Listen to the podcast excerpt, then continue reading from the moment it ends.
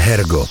Hergot. Hergot. Všechno, co jste kdy chtěli vědět o náboženství, ale báli jste se zeptat. Hergot. Víra a spiritualita ze všech stran. Hergot na rádiu Wave. Krásný nedělní podvečer, vítáme vás u poslechu Hergotu pořadu o duchovních zajímavostech i výstřelcích. Od mikrofonu vás zdravíme ve složení Petr Wagner a Klára Staňková. Dneska přivítáme jako hosta Radima Cigánka, který je církevním soudcem Pražské arcidiecéze, farářem a kanovníkem a budeme se s ním bavit právě o církevních soudech. Zeptáme se třeba, k čemu takové soudy vůbec jsou, jak probíhá soudní řízení a koho církevní soudy vlastně soudí. A jestli je taky třeba církevní vězení, když jsou církevní soudy. No, na dnešek taky připadá Filipo Jakubská noc, se kterou je spojené takzvané pálení čarodějnic, no a s čarodějnicemi mají církevní soudy taky nějakou zkušenost. Radima Cigánka se proto radši zeptáme, jestli vám hrozí soudní oplétačky, pokud se večer čarodějnického reje zúčastníte. Hergot. Hergot. Hergot. Všechno, co jste kdy chtěli vědět o náboženství, ale báli jste se zeptat. Hergot. Hergot na rádiu Wave. Posloucháte Hergot a ve studiu vítáme církevního soudce a katolického kněze Radima Cigánka. Dobrý den. Dobrý den. Dobrý den. My jsme v úvodu zmínili, že na dnešek připadá tradice pálení čarodějnic a vás jsme představili jako církevního soudce, tak jsme se chtěli zeptat, řeší nebo spíš řešili církevní soudy případy čarodějnictví taky? Myslím si, že církevní soudy v tom smyslu, jak je chápeme dneska, nikoliv. Čarodějnictví se chápalo od renesance jako jakési zpříznění s ďáblem, případně tělesné zpříznění ďáblem. To ve středověku se chápaly ty věci v tom smyslu velmi duchovním, renesance to chápala ve velmi tělesném nebo takovém tom více lidském smyslu slova. A pak se začaly objevovat ty nauky o čarodějnictví, kde potom v takový ty největší excesy v tomhle smyslu slova těch čarodějnických procesů byly hlavně v těch německy mluvících zemích, ať už tedy katolické nebo, nebo protestantské orientace. Takže dneska to není téma asi v minulosti, že by to řešily církevní soudy, asi v tom smyslu striktní církevních nikoliv. Byly to soudy spíše světské, byť samozřejmě v nějaké míře ovlivněny tím církevním myšlením. Známe ten velmi častý případ tady z německy mluvících oblastí Jeseníků, kde nakonec právě spíše katoličtí představitelé, ať už tamníka farář Krištof Lautner nebo olomoucký arcibiskup byli spíše zdrženliví v případě těch procesů a v případě Krištofa Lautnera nakonec i oběti té protičarodejnické hysterie. Jak se dneska před takový církevní soud člověk dostane? Církevní soudy řeší věci, které se týkají církevních záležitostí a dostanou se tam v případě, řekněme, v tom smyslu trestním nebo nějakém správním církevní osoby, tedy klerikové, kněží, jáhni, případně biskupové. A v případě lajků se tam nejčastěji pracuje s věcmi, které se týkají platnosti nebo neplatnosti manželství uzavřené od církevní formou, tedy toho, čemu pak církevní právo říká kanonické manželství. U toho se asi zastavíme, protože přeci jenom, když se řekne církevní soud, tak právě nejčastější případ, nejčastější kontext je případ různých těch záležitostí kolem rozluky a tak dále. Eh, mohl byste vysvětlit, co je to ten pojem anulace a jaký je rozdíl mezi ní a rozvodem třeba, což se hodně v těchto těch případech řeší? Církevní právo řeší v zásadě platnost a neplatnost manželství, protože Ježíš Kristus v Evangeliu říká, že manželství je nerozlučné a my úplně nemáme asi tu odvahu dělat si z Bible trácí kalendář, něco škrtnout a, a změnit v písmu svatém ve slovech Ježíše, tedy v případě církve se pracuje tím způsobem, že se vnímá manželství jako nerozlučné a v některých případech se uvažuje o tom, jestli to manželství nebylo od počátku neplatné a v případě, že to shledá nějak průkazným způsobem, tak se prohlásí za neplatné a tím pádem se ten člověk nebo to, ta osoba nebo ty osoby se na ně vnímá, jako by se nikdy nesezdali nebo byly svobodné z hlediska církve. Může se takové rozpadlé manželství ocitnout před soudem, i pokud o to jedna strana z těch dvou nestojí? I to se může stát, ono, já nevím, jestli tady úplně je místo na to dělat nějaký výklad z církevního práva, ale obecně možná řeknu pár takových výchozích podmínek. Z hlediska toho, čemu se říká platnost manželství, jsou takové tři jako hromádky problémů. Jsou tam věci, které se týkají absence tzv. manželských překážek, že ty lidé nejsou příbuzní, že ty lidé se dobrovolně a v dospělém věku a tak dále berou a další, další záležitosti. Potom tam je to, co je specifické pro katolickou církev právě na rozdíl třeba evangelické nebo husické církve, eh, to, čemu se říká kanonická forma, kde Tridentský koncil a potom ty další předpisy poměrně přesně stanovují, že katolíci jsou povinni se brát v kostele před farářem dvěma svědky. A potom jsou ty vady souhlasu, tedy nebo souhlas, aby ty lidé dobrovolně věděli všechno podstatné o sobě a o tom druhém a dobrovolně se rozhodli pro ten výručný celoživotní svazek jednoho muže a jedné ženy. A když tedy se jedná o pohled na platné a neplatné manželství, tak často to v, minulosti, zvláště za komunismu, když se blokovaly ty církevní sňatky a prosazovaly povinně ty občanské, tak často to manželství bylo neplatné proto, že ty lidé neměli tu kanonickou formu. Uh-huh. A dneska se setkáme spíš s tím, že jsou tam ty vady souhlasu. S tím, že i ty vady souhlasu jsou různě dobově podmíněné. A když nám přednášel ten profesor kanonického práva, starší pán, už profesor z Polska, říkal, když jsem začínal církevní soudu, většina vada souhlasu byly donucení k manželství. Takový klasický případ, ještě otná, vezmeš si ho, já ho nechci, nevezmu si ho, vezmeš si ho, dostaneš se do řečí a tak dále. Takový jako relikt starého světa. Mm, asi i s některými takovými případy se občas na církevním soudu setkáme a nebudu říkat o těm konkrétní případy, protože ty lidé jsou opravdu skutečně mají právo na to mít jako soukromí v těchto věcech, takže budu opravdu velmi obecně naznačovat ty věci, ale existují takové případy, byť jich je dneska v, našich, v našem, řekněme, spíše západním okruhu minimum nebo málo. Většinou jednáme o ty problémy vady souhlasu z důvodu různých nezralostí a podobně. No a není to právě tak, že nějaký ten důvod té anulace se tam najde vždycky, když ta vůle je, že vlastně něco říct jako nebyla jsem dost duchovně vyspělá v té chvíli, může říct vlastně každý a, a potom je to třeba trochu nějak pokrytecký se tvářit, že to je anulace, když ji vlastně může dosáhnout každý a je to teda v tom případě rozvod? No, řekl, že může dosáhnout každý. První věc, která, kterou bych předeslal, že jsou církevní soudy katolické církve v České republice a v zásadě v celém, myslím, západním světě přijímají k posouzení manželské kauzy takzvané, kde je jasné, že ty lidi jsou z hlediska světského takzvané rozvedení. Většinou jsou dořešené i ty otázky sociálně právní ochrany dětí a všechny tyhle ty záležitosti. E, zdá se mi velmi rozumné, aby to bylo po nějaké době protože si myslím, že, že ty lidé by také, kromě jiného, tam to už není nikde v právu napsáno, ale zdá se mi tak pastoračně, měl být nějaký jako kající postoj, že za to nějaký, nějaký díl viny, a to ať soudí Bůh, jaký díl viny, za to, že se to manželství rozpadlo, nepovedlo a podobně, také mají, čili řekl bych jako první věc, e, nějaký kající postoj. A vždycky, když nám přijde na soud jako kauza, kde ještě jsou téměř jako mokrá razítka z církevní ze světského soudu a, a už to tam jako leží, tak mi to přijde jako je zvláštní. Ale také se s tím někdy setkáváme.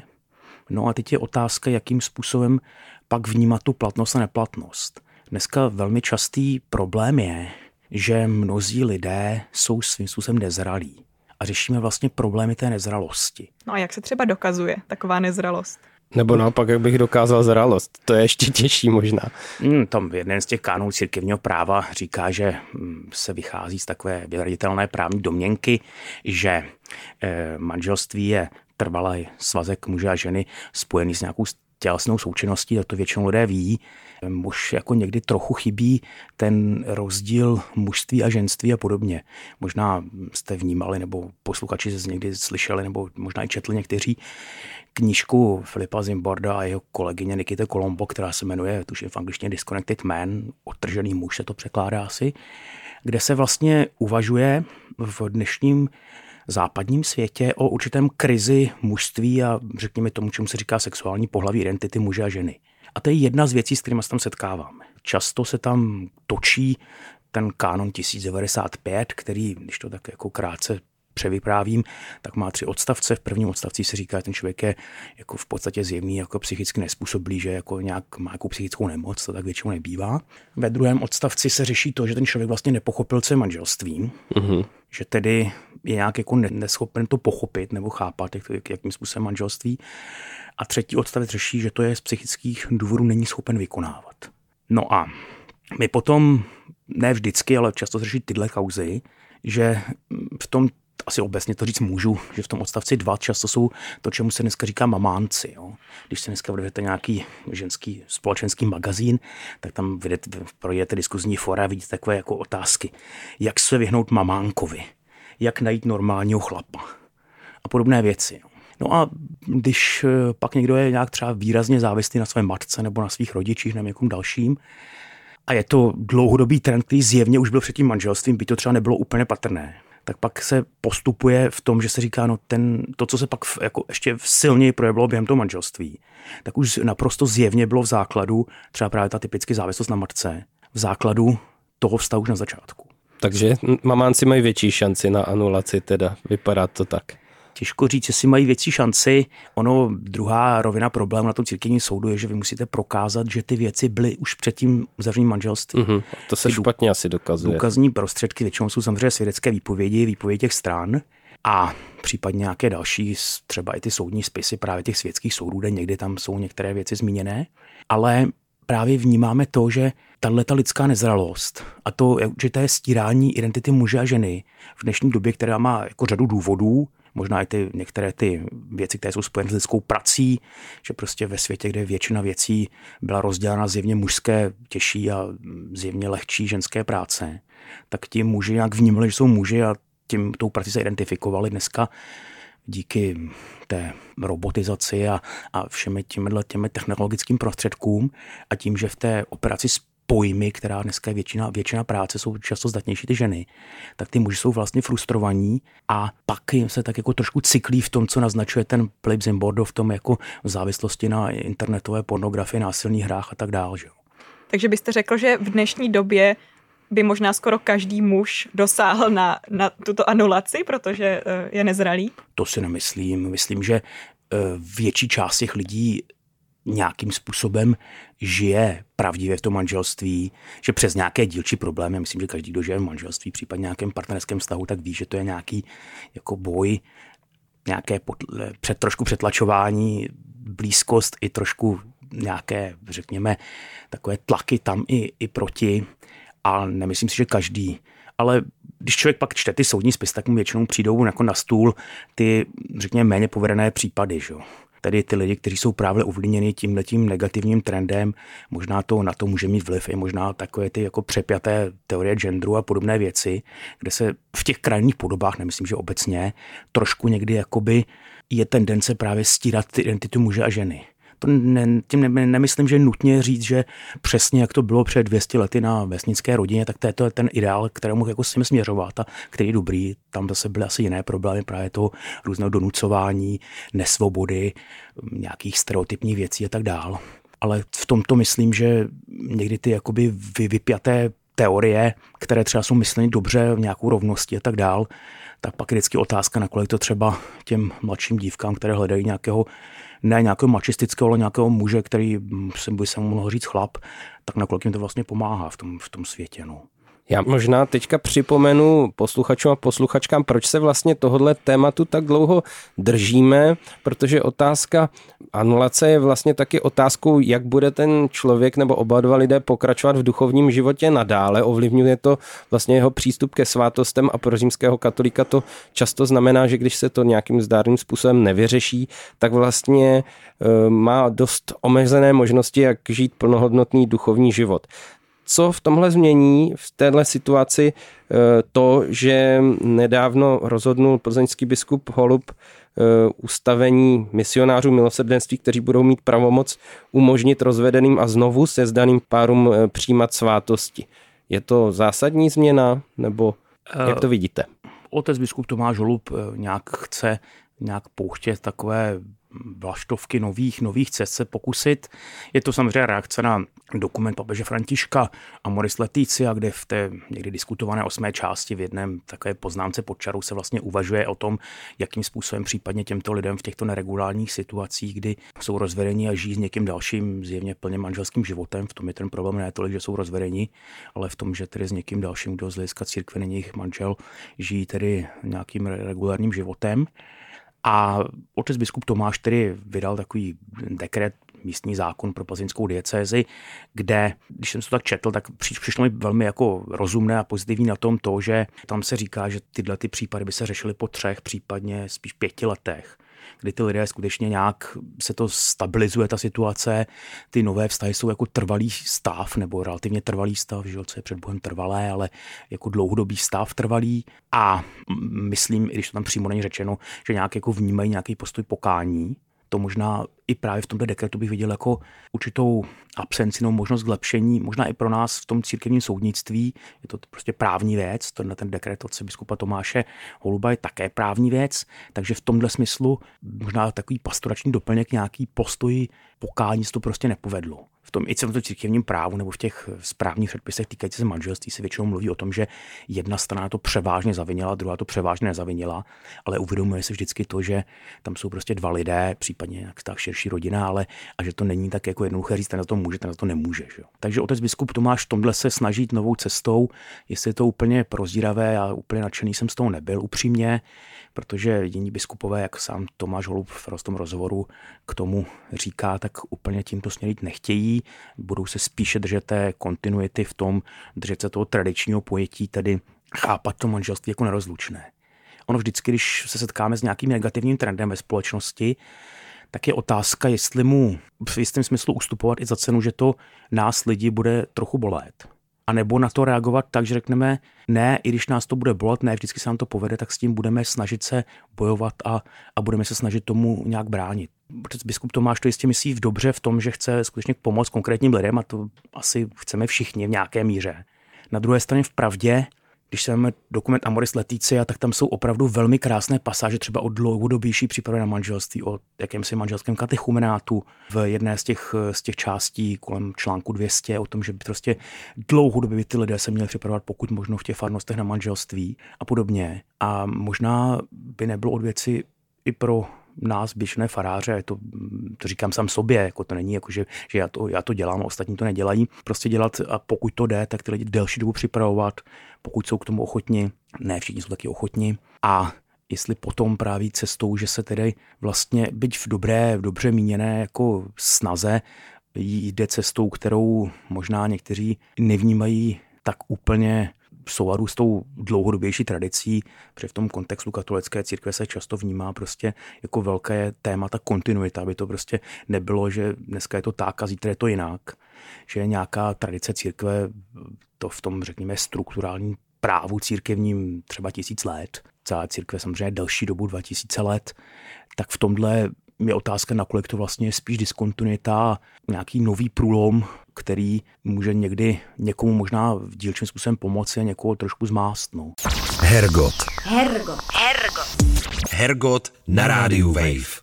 Vy už jste na začátku říkal, že kromě těch eh, rozvodů nebo anulací řešíte eh, případy kněží, biskupů a těch různých zasvěcených osob, tak eh, jestli byste nám mohl samozřejmě obecně říct, co se vlastně tady v té oblasti řeší, jestli například téma zneužívání, co se občas dostane na veřejnost v nějaké menší míře, je něco, co se, co se u vás také řeší?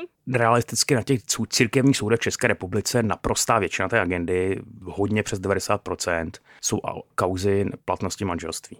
A tu a tam se tam obví nějaká trestní kauza duchovního, nikoli v biskupa. Biskupy pak řeší ty vyšší soudy v Římě a také jsou to spíš jako jednotlivé případy celého světa. A spíše se to týká neposlušnosti duchovních vůči biskupům, e, případných takovýchhle věcí. Eventuálně se to někdy může týkat a do budoucna se častěji bude týkat nějakých majetkových sporů, farností, případně biskupství o nějaké věci, řekněme, správního majetkové ty případy, ty trestní kauzy v těch případů, jak jeden můj kolega tak volně říká hambářů, se nějakým způsobem soudí v Římě už za Jana Pavla II., byť ten mediální diskurs to často chápal jako jinak, ale už za Jana Pavla II. a potom výrazně za Benita 16. se poměrně výrazně zpřísnily ty, ty zákony církevní. A teďka se to znově kodifikovalo v té kněze 6. kodexu kanadského práva v tom trestním právu, kde se řada věcí výrazně přitvrdila, ať už jsou to různé promlčecí lůty, které se výrazně utlumily nebo škrtly, eh, věk těch případných obětí nějakého toho eventuálně zneužívání a podobných věcí. Jo.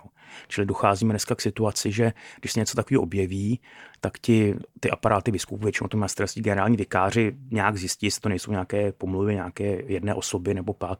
A pokud tam nějaké zjevné teda rácio toho, že to může být pravda, tak se to se píše asi to většinou přeloží do italštiny a pošlou to speciální soudy pro kongregace pro nauku víry, kde na té kongregaci pro nauku víru jsou speciální trestní tribunály, které to poměrně řeší a relativně rychle, často poměrně striktně e, soudí pak na úrovni Říma v těch trestních kauzách těchto, těchto eh, osob, kde teda zjevně došlo k nějakému nemorálnímu jednání, ať už vůči nezletilým nebo někomu, někomu dalšímu. Mě možná na tom překvapuje taková určitá ne- nevyváženost těch eh, případů, že většina věcí, co se teda dostane eh, k soudu, jsou věci záležitosti vlastně vztahu dvou lidí, asi jako aspoň zpočátku třeba koncenzuálního, nebo se pak řeší ten další vztah, eh, co s tím, eh, jak s tím vlastně naložit, když to eh, ty závažnější případy, což se teda druhdy týká právě zasvěcených osob kněží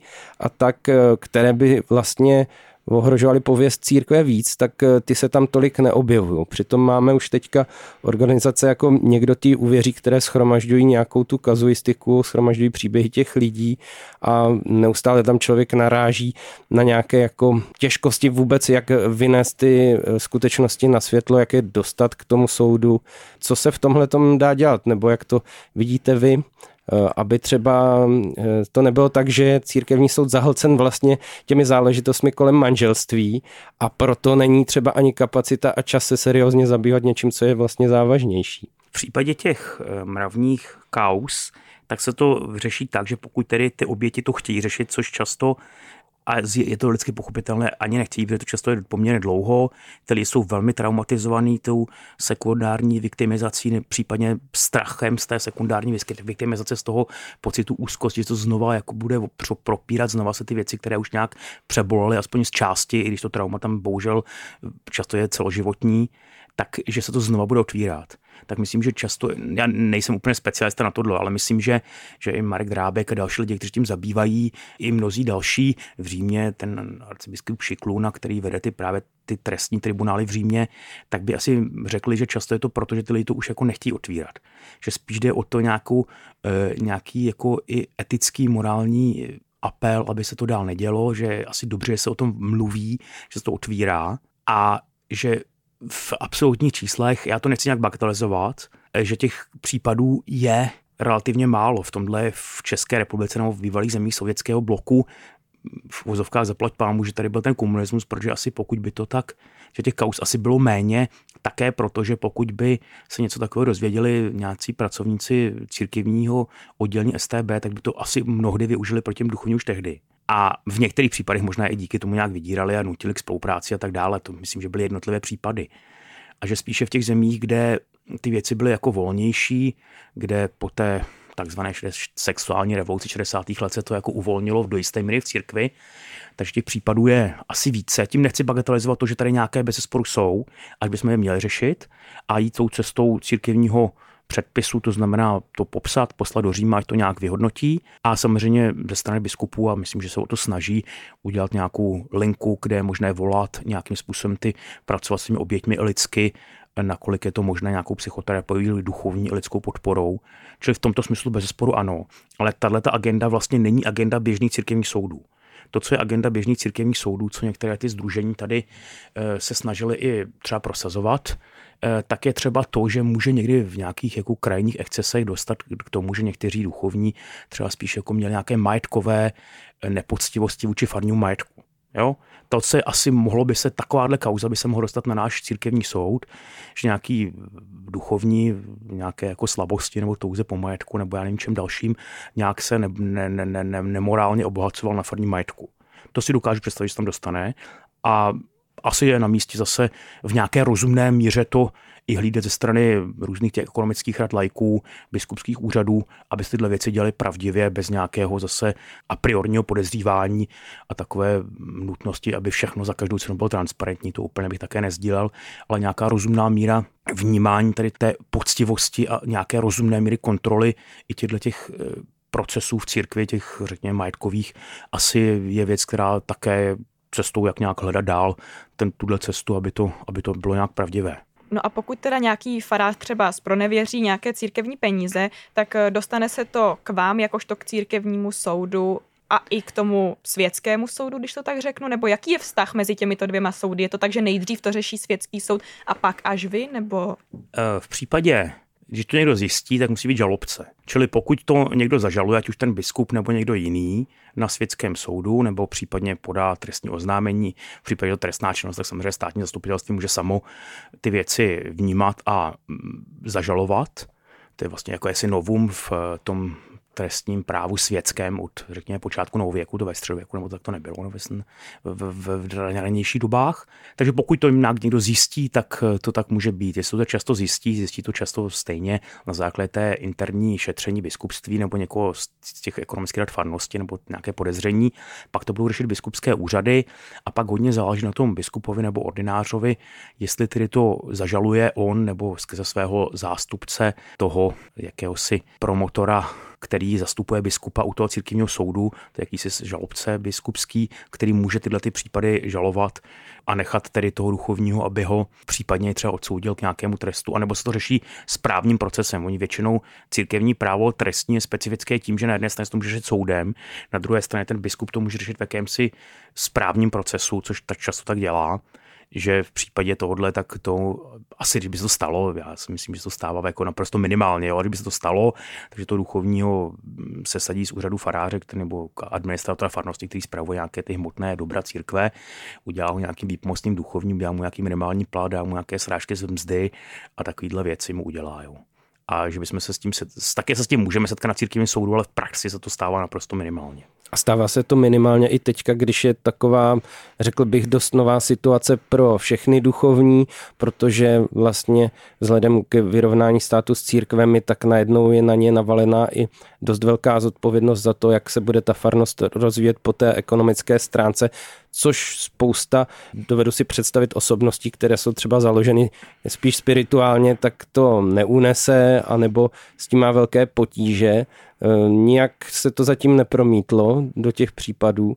Nevím o tom, že by tam byly nějaké jako častější nějaké úmyslné trestné činy. A v případě trestního práva, ať už z církevního a myslím, že světského, tak aby byl něco bylo jako trestným činem, tak se musí prokázat, že to byl úmyslný vě, úmyslná věc, případně jsou jako nižší rank nějaké neumyslné jako nehody a podobně.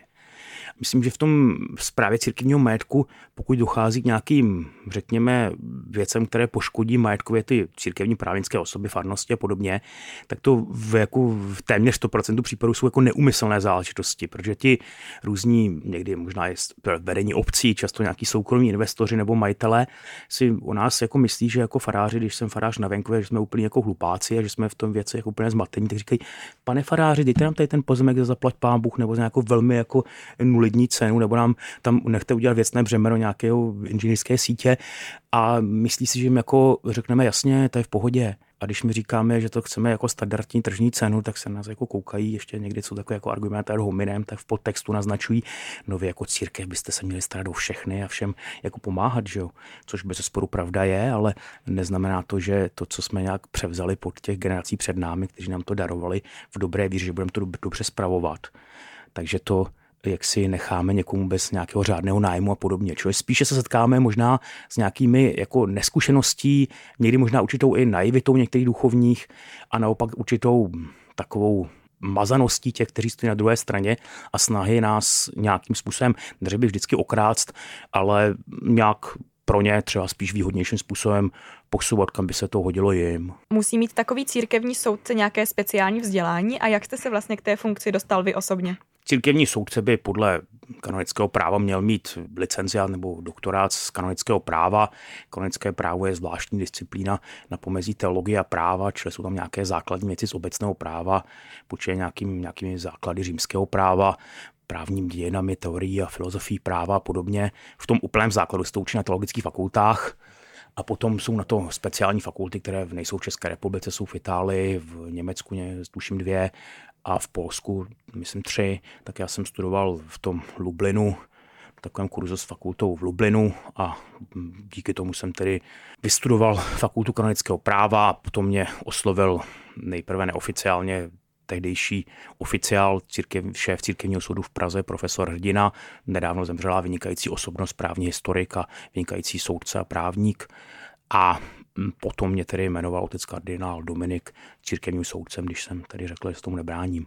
No do toho ale děláte ještě faráře v obci na Sázavě. Jak to jde dohromady? Ne, nekoliduje to tyhle ty dvě povinnosti, ta duchovenská služba a tahle ta služba? Ta první, co bych k tomu řekl, je, že i ta práce na církevním soudu měla být duchovní služba. Že ty mhm. lidi by to mělo nějakým způsobem posouvat v tom lidském, často jsou to právě ty manželství a aspoň to nebrání v přístupu k Pánu Bohu, nebo je to třeba i pokud možno nějak Pánu Bohu přivádět. No, pokud je kolize funkce faráře na venkovské farnosti nedaleko Prahy a poutní místě svatého Prokoku, kde působím, a soudce, jeden z těch principů církevního soudnictví, že ten proces je převážně písemný. Mm-hmm. Že nějaké jako veřejné slyšení jednání soudu je naprosto výjimečné, že se dělají výslechy těch stran, výslechy svědků, případně nějaké další věci, které se dělají formou výslechů, většinou na církevním soudu, případně někde jinde. A pak eh, ti, kteří jsou ti úředníci soudu, buď to soudci, nebo pak jsou takzvané obhájci svazku, kteří naopak zase říkají, že to manželství je platné a ty soudci se pak mají rozlišit na základě toho, co advokát té strany říká, nebo většinou se snaží tvrdit, že to manželství neplatné. Ten obhájce církve svazku platnosti svazku říká, že to manželství spíše je platné a na nás soudcích je pak, aby jsme nějak rozlišili, kde je ta pravda. Takže díky tomu, že člověk většinou si pak přebere ty spisy a nějak se pomodlí, přečte, přemýšlí a pak na základě toho napíše nějaké svoje, svoje votum, svoje mínění, které potom v tom tribunálu soudců se, se píše, tak je to možné nějak skloubit i s tou funkcí správce farnosti a faráře. Kolik z těch manželství, co k vám takhle přijde, skončí tou anulací? Procentuálně. Úplné přesné čísla nemám, ale myslím si, že tady na tom církevním soudu v Praze, metropolitním církevním soudu, že to bude víc než 50%. Mým odhadem velmi jako laickým, nebo nejsem zasvěcený do těch přesných tabulek, které mají šéfové církevního soudu a poslali na ty kongregace do Říma, nebo ty nejvyšší soudní instance, takže to bude tak někde mezi 60, možná 70, 8, někdy možná v nějakém roce 80% případů, ale, ale jako je to nadpoloviční většina, ale nutno říct, že na ten soudce většinou žalují a ty advokáti žalují škauzy, kde zaprvé ty lidi už jsou zjevně spolu nežijí, jsou rozvedení, jak jsme o tom mluvili. A za druhé je zjevné, že tam je nějaká, nějaký žalobní důvod a nějaká eh, materie, nějaké důkazy, které ho potvrdí. Čili tam vlastně jako dávají a žalují ty věci, kde už je jako zjevné, že to může projít tím takzvaným výrokem toho soudu afirmativě, tedy že to manželství bylo od počátku neplatné. Kolik těch církevních soudů vlastně máme celkem v České republice? Zmínil jste ten metropolitní. V České republice v případě katolické církve je to tak, že jsou v Praze metropolitní církevní soud, který eh, zahrnuje i soud eh, pro diecezi České Budějovice, pak jsou diecezní soudy pro plzeňskou diecézi a pro litoměřickou diecezi, který sídlí v Liberci a pak na Moravě metropolitní nebo interdiecézní církevní soud v Olomouci a diecézní soud v Brně. Ten interdiecézní soud v Olomouci má i na starosti i agendu z Ostravsko-Opavské diecéze. Hergot. Hergot. Hergot. Všechno, co jste kdy chtěli vědět o náboženství, ale báli jste se zeptat. Hergot. Hergot na rádiu Wave. Když mluvíme pořád o soudech a souzení, tak samozřejmě to hned další téma je téma trestu. Když se bavíme o tom, že posílená je ta rovina duchovní, nebo vy o tom mluvíte, takže to vlastně taky svého druhu duchovenská práce i na tom církevním soudě. Jak to potom vypadá s tím trestem? Jak je vlastně vůbec ten institut trestu pojímán a co je takový mezní trest? Je to exkomunikace, anebo jsou tam ještě jiné jako zásadní závažné tresty? Nutno říct, že eh, v případě těch trestních kaus se v podstatě jedná o duchovní. Jo, většina těch věcí, které řešíme, jsou věci, které se týkají lajků, to znamená manželství, mm-hmm. kdy oni prostě se nějak bohužel rozpadne manželství. V případě těch trestů by se týkalo v zásadě to duchovních, čili kanonické právo v té šesté knize formuluje ty tresty nápravné, že mají ty, všechny ty tresty mají k nápravě toho, řekněme, vyníka nebo toho, kdo se dopustí nějakou deliktu. Čili má to, může být ten člověk e, suspendován, zbaven úřadu duchovního, potom takový jako nejpřísnější trest, který se může týkat duchovních, je vyloučení z duchovního stavu, to se většinou právě týká e, nějakých velmi trest, jako závažných trestných činů morální povahy, často právě ty soudy, které soudí ty lidi v případě tedy oprávněných obvinění z těch nějakých sexuálních deliktů, často tedy vůči nebo některých případech vůči, řekněme, dospívajícím, často chlapcům, že jo, tak eh, je, když tedy se to zjevně prokáže a bylo to jako zjevné a, tak dál, tak je soudí právě tím nebo odsoudí k tomu ztrátě duchovního stavu, že vlastně vyloučí z té duchovenské služby v zásadě jako relativně trvale. A potom jsou prostě nějaké dílčí věci, trestní pokání, náprava a podobně, že třeba ten člověk může být jako konat nějaké pokání někde v nějakém klášteře a podobně, co se někdy zase dělá, když ten člověk neudělal tak závažný zločin, ale jako je, je to spíš třeba morální věc, protože často ty věci jsou na pomezí morálky a řekněme práva. Jo, ono, ty církevní předpisy jsou dneska jako přísnější než ty světské. Jo. Když jako vemu nějaký takový mírně bulvární případ, tady jsme tomu, že nějaký duchovní, který je celibátník, byl celibát, nějakou čistotu a pravdivost v těchto věcech, tak má nějaký intimní styk s osobou, který je, dejme tomu, 17 let. Je to naprosto koncenzuální věc, no tak z hlediska státního se neděje nic nějak nezmuži nezneužil tu pravomoc duchovního nebo to, že v nějaké jako nařízené pozici, to by byla otázka, jak to chápat, ale prostě je to jako věc, která tohle to nemá tenhle ten rozměr, tak se neděje nic. Z hlediska církevní je to trestný čin, protože ty lhuty v tom církevním předpisu jsou, že když ten duchovní něco takového udělá s osobou mladší 18 let, tak se dopustil trestného činu. A teďka pak někdy může právě to, že ten biskup ho žaluje do Říma, případně někdy na tom církevním soudu, jako, když to je jako méně závažné. Tady, aby tedy ho nějak potrestal nějakým pokáním a podobně, a že třeba udělal něco, co z hlediska státního není vlastně jako trestný čin nebo nějaký jako skutek, je to morální problém samozřejmě, že řekněme v tom jako spovědním žargonu hřích, třeba z těžkých hřích, a pak je to právě někdy, řekněme, trestně právní věc ze hlediska církve. No a pokud je starší 18 let ta osoba, uh, řeší to nějak církevní soudy? Pokud má kněz vztah, který slíbil celibát? Je to věc především morální. Pokud to bude jako veřejný, to jsou pak nějaké novely těch trestních předpisů za Jana Pavla II. a Benita 16. tak pokud to bude jako zjevně veřejný vztah, nebo to bude veřejná informace, tak to může ten biskup žalovat u církevního soudu a případně toho duchovního nějak popotahovat za právě neposlušnost a dodržování těch věcí. E, jinak ale to reálně tak není a přímě řečeno, co jsem tak slyšel nebo někdy četl nějaké věci i ze středověku, kdy reálně ta církev jako měla větší moc nad těmi duchovními, tak některé tyhle ty morální poklesky i v tom středověku, ne, že by se to jako nechávalo, tolerovalo a tak dál, ale reálná jako síla i těch tehdejších arciáhnů nebo těch korektorů kléru, kteří byli ve středověku a toto měli na starosti, tak jako nebyla asi tak, tak výrazná, aby byli schopni to postihovat. Čili je to věc spíš jako morální, aby ten člověk žil nějak pravdě před Bohem především. Světský soud má taky nějaký prostředek vězení, kterým odděluje v případě nebezpečnosti toho jedince jeho od zbytku společnosti. V církevním prostředí něco takového supluje třeba ta doba pokání v klášteře, anebo jsou tam ještě jiné způsoby, jak vlastně izolovat člověka a zvažovat jeho možnosti k nápravě, jestli se může zpátky do společnosti vrátit v tom nejširším slova smyslu. Protože spíš jako slyšíme z těch eh, smutnějších případů o tom, že vlastně ten kněz potom provinění je třeba přeložen někam jinam, což vlastně není izolace. To je možná rozšíření toho záběru, kde může páchat tu činnost dál.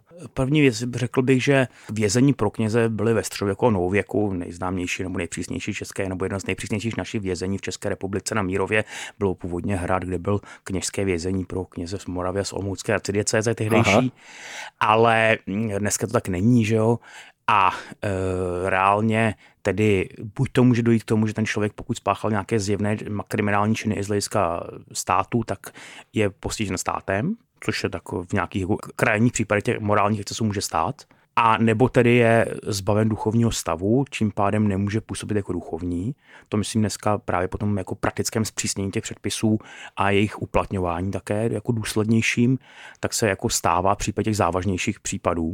A když jsou to jako méně závažné případy, tak často je tedy po nějakém trestním pokání, ale myslím, že to trestní pokání se právě spíše týká třeba těch věcí nějakých jako nepoctivostí z toho majetku. Jo. Pokud jde o nějaké závažnější věci, eh, řekněme té, dejme tomu sexuální povahy nebo tě, o čemu někdy církevní právo nebo i morálka říká kontrasextum v případě té sexuality, tak se jako jedná buď to o to, že ten člověk je zbaven duchovního stavu, anebo je nějakým způsobem skutečně postaven v nějakým výrazným způsobem o službu. Jo.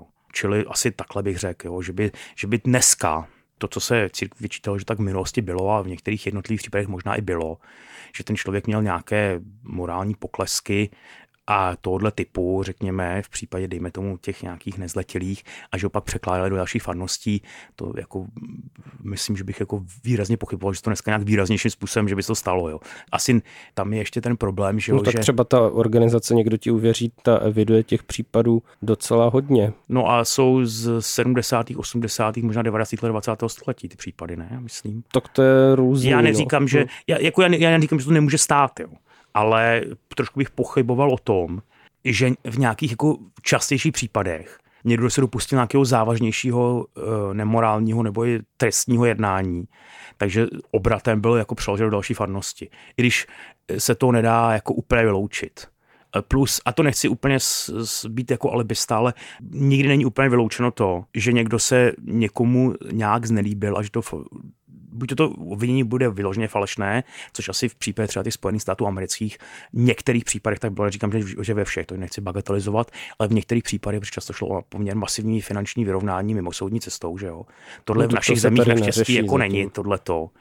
Čili hm, nevím, jestli také proto je těch případů mín tady, ale spíše bych jako si myslel, že, že jako dneska a to je, myslím, pozitivum toho, že se o tom mluví, že se to medializuje a že se to řeší, e, že nikdo z těch biskupů si jako s promětím lidově řečeno lajsne, pokud jsou jako nějaké jako zjevně kredibilní, uvěřitelné důkazy o tom, že ten člověk udělal nějaký morální nebo trestně právní jako skutek e, proti nějaké jako čistotě a pravdivosti ve vztazích, jako e, ho nějak zásadně jako pověřit nějakými dalšími pastoračními úkoly. Jo. To bych jako v tom by bylo velmi skeptický bych tomu byl. I když samozřejmě nemůžu vyloučit nějaký jednotlivý exces, kdy třeba ten biskup si může myslet, že to byla nějaká jako pomluva nebo prostě to nějak jako nafouklo a ten člověk, a, a přitom to třeba byla pravda, a pak někde selhal. Jo. To jako nemůžu, bych, jako, asi bych nechtěl podepsat krví to, že se to nikdy někde nemohlo stát. Jo. Proč jsou podle vás vůbec instituce jako církevní soudy potřeba? Není to tak, že to, co nevyřeší světský soud, tak um, by se vlastně mohlo nechat na Bohu, pokud ho považujeme za nějakého um, nejvyššího soudce. A případně, jak si v tomhle kontextu vykládáte ten biblický citát, nesuďte a nebudete souzeni. Nemáte um, někdy pocit, že vlastně děláte něco, co vám nepřísluší? No, tak eh, nesuďte, abyste nebyli souzeni, já bych tomu vnímal spíš neposuzujte, bych možná jako to četl. V případě toho, jestli ty soudy církevní jsou potřeba nebo ne, tak bavíme se tady poměrně dlouhou dobu o tom, jakým způsobem postihnou případné delikventy nějakých morálních nebo trestně právních jednání eh, ve vztahu k lidem a sexualitě a podobně. Kdybychom řekli, ať to soudí Bůh, no tak bychom možná jako šli tím cestou, cestou, jak někdy možná někteří nesprávně vyhodnocovali v církvi ty věci, že to necháme usnout, takže to bude soudit Bůh. Nechtěl vnímat, ne, no, tam to je spíš o to, nakolik ta eh, církev, ať už je to jakákoliv, vlastně dovolí té okolní společnosti nahlížet do těch procesů, co v ní probíhají, do těch dějů, aby nebyla teda v konfliktu se zákonem. Nám jde spíš o to, jestli ty věci, které vlastně jako nejsou z hlediska právního řádu světského trestné, jestli to fakt nenechat na Pánu Bohu, zvlášť když jsou to záležitosti třeba vztahu, koncezuálních vztahů třeba mezi dvěma lidmi, jestli na tom tak strašně moc vlastně záleží. Myslím, že v případě majetkových věcí bych to určitě tak nevnímal, tam bych eh, byl neřekl jak striktní, ale poměrně jako důsledný a v případě těch věcí nějakých morálních, tak tam je pak vždycky otázka vyhodnotit, jestli to, že to bude nějak, a myslím, že to je spíš jako zase výjimečné, že to bude nějak řešit nějakým procesem, ať už soudním nebo správním, tak jestli to bude jako spíše ke škodě a spíše to, tu nepěknou věc nějak tak jako rozmaže a bude to více jako zapáchat, nebo ne. Ale vždycky je právě se to riziko, že někdo po nějaké době přijde a řekne, no ale vy jste to měli řešit, to se dneska často řeší a někdy ty oprávnění těch biskupů nebo ty obvinění těch biskupů jsou jako oprávněná, někdy si myslí méně, a když se prostě někdo nelíbí z nějakých důvodů názorových, tak se mu řekne, a on něco měl řešit a neřešil to před 26 lety. Jo, a to nechci zase bagatelizovat ty kauzy, které byly objektivní. Ale je to jakoby těžké v tomto potom ze strany těch eh, představených církví říct, dobře, tohle necháme pánu bohu. Protože pak jako třeba i v dobré víře opravně někdo může přijít po 20 letech a říct, no ale vy jste tady tu věc, která byla třeba spíš převážně po morální povahy, než třeba nějaké jako právní nebo trestní, tak vy jste nějak jako měli třeba morální cestou jako řešit. No ale třeba co se týče těch manželství, tam se asi nesetkáme s tím, že by někdo přišel s tím, že by, eh, že by katolické církvi vyčítal, že anulovala nějaké manželství? Nevím, asi, já jsem že jako církevní soudce vázal mlčenlivostí těch konkrétních případech, ale jednou jsem kde si jel autem a volala mi nějaká osoba na mobil a tak emocionálně mi říkala, že církevní soud, já jsem ten kauzu nesoudil, jsem ani nevěděl ten spis, takže o tom nevím nic, její, že její manželství prohlásil za neplatné, ale že to tak jako není, protože eh, ona žalovala toho ex-manžela, že, že on byl způsobil, psychicky nespůsobilý a přitom ten soud nakonec to vyhodnotil, že ona byla asi taky trochu psychicky nespůsobilá. To si natolik dotklo, že tam jako po mně křičela do telefonu. Eh, tak nevím, no, jak, jak, jakým způsobem s tím jako úplně pracovat. Čili i takovýhle případy se můžou vyskytnout spíš jako okrajově. A stížnosti na to, že v případě manželství to tak většinou nebývá, ale je to také jako v zásadě, řekněme si na rovinu, když se prostě rozpadne manželství, je to prostě bolestivá věc a nedá se to škrtnout. A prostě je to bolest, která je celoživotní, čili eh, spíš bych pomalu povzbuzoval, aby jsme si z té Amoris Leticia vzali spíš právě to, jakým způsobem se snažit předcházet těm nepovedeným vztahům, jakým způsobem sami sebe to je výzva pro každého z nás, že jo, Formo, formovat v tom, být dobře nějak nastavení lidsky, dobře jako muži a ženy nějak pravdivě a vyhýbat se tomu, co se pak jako, jak si má tendenci k tomu, že se to nepovede a, a bude z toho bolest nás, našeho partnerského protějšku, v horším případě dětí a já nevím koho dalšího, že jo. No a teď mě ještě napadá, když teda eh, v nějaký snětek anulujete, a prohlásíte třeba jednoho nebo oba na nějak nespůsobilé k tomu manželství, může se takový člověk jednoduše znova v kostele vzít a nebo pak musí nějak dokazovat, že už se teda nějak napravil a už způsobilý je? Ve většině případů se může vzít. E, jsou případy, kdy kdy se vzít jako může zkomplikovaně se souhlasem biskupa a podobně. Ale je to právě to napětí mezi tím, že na jedné straně na ty duchovní dobrá, e, typicky manželství, společnou modlitbu církve, účast na liturgii, v nějakém smyslu slova na podíl na svátostech mají jakoby právo všichni pokřtění, všichni v katolické církvi a na druhé straně je to jako někdy narazí na to, že ty lidé jsou nějací, my taky jsme nějací, to není, že nějak chceme posuzovat nebo, nebo nedej bože odsuzovat, ale prostě každý se nějak jako pereme s nějakými těžkostmi, no a pak je vlastně velmi jako náročné řešit, co pak dál, že jo? když se to nějak nepovede, to může být, ale můžou být i kauzy, jakoby třeba podvodu. Já jsem slyšel, že jsem sám nesoudil, ale nějakým to vyprávěl někdo, že byl případ v nějakém církevním soudu, možná spíš to bylo někde v, v Polsku, snad to říká jeden z těch profesorů, že nějaká dáma jako čekala dítě, tak řekla nějakým svým partnerovi, že s ním čeká dítě, no vzali se dobrý, rozvedli se po 8 letech, začal se hledat, proč jako to bylo neplatné, no zjistilo se, že dáma čekala dítě s úplně nějakou jinou osobou, země to teda věděla,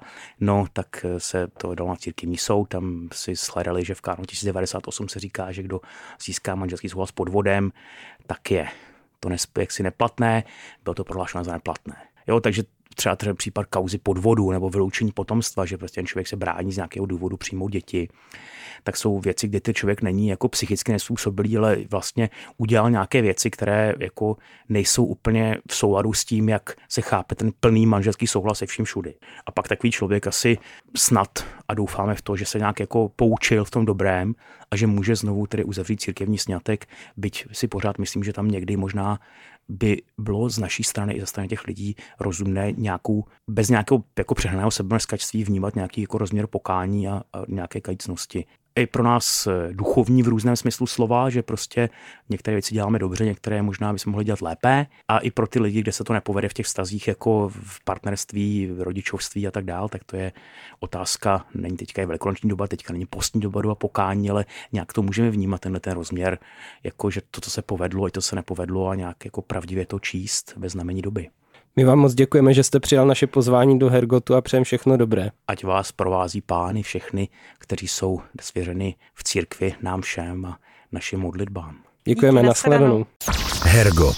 Hergot. Hergot. Všechno, co jste kdy chtěli vědět o náboženství, ale báli jste se zeptat. Hergot. Hergot na rádiu Wave. To byl římskokatolický farář, kanovník a soudce Radim Cigánek a my jsme asi poprvé v Hergotu tady měli jakéhokoliv soudce, na to ještě církevního, tak možná se vám rozšířily obzory o to, že vůbec něco takového existuje a že to třeba zasahuje nějakým lidem nějak do života. No a možná jste už o tom něco tušili a tak se vám aspoň přiblížil ten pohled z téhleté strany soudní síně. Pokud byste si ho potřebovali doplnit nějak, což si myslím, že některá témata, která jsme probírali k tomu přímo vybízejí, tak se můžete podívat na stránky již zmiňovaného združení Někdo ti uvěří, a nebo taky na spoustu for rozvedených katolíků, kteří asi tu situaci dost často vnímají a vidí jinak. Tak třeba si taky někdy pozvem nějakého rozvedeného katolíka. No to zcela určitě. Tyhle ty témata se tady budou objevovat opakovaně, řekl bych, protože ty příběhy těch je vlastně plný svět, dá se říct.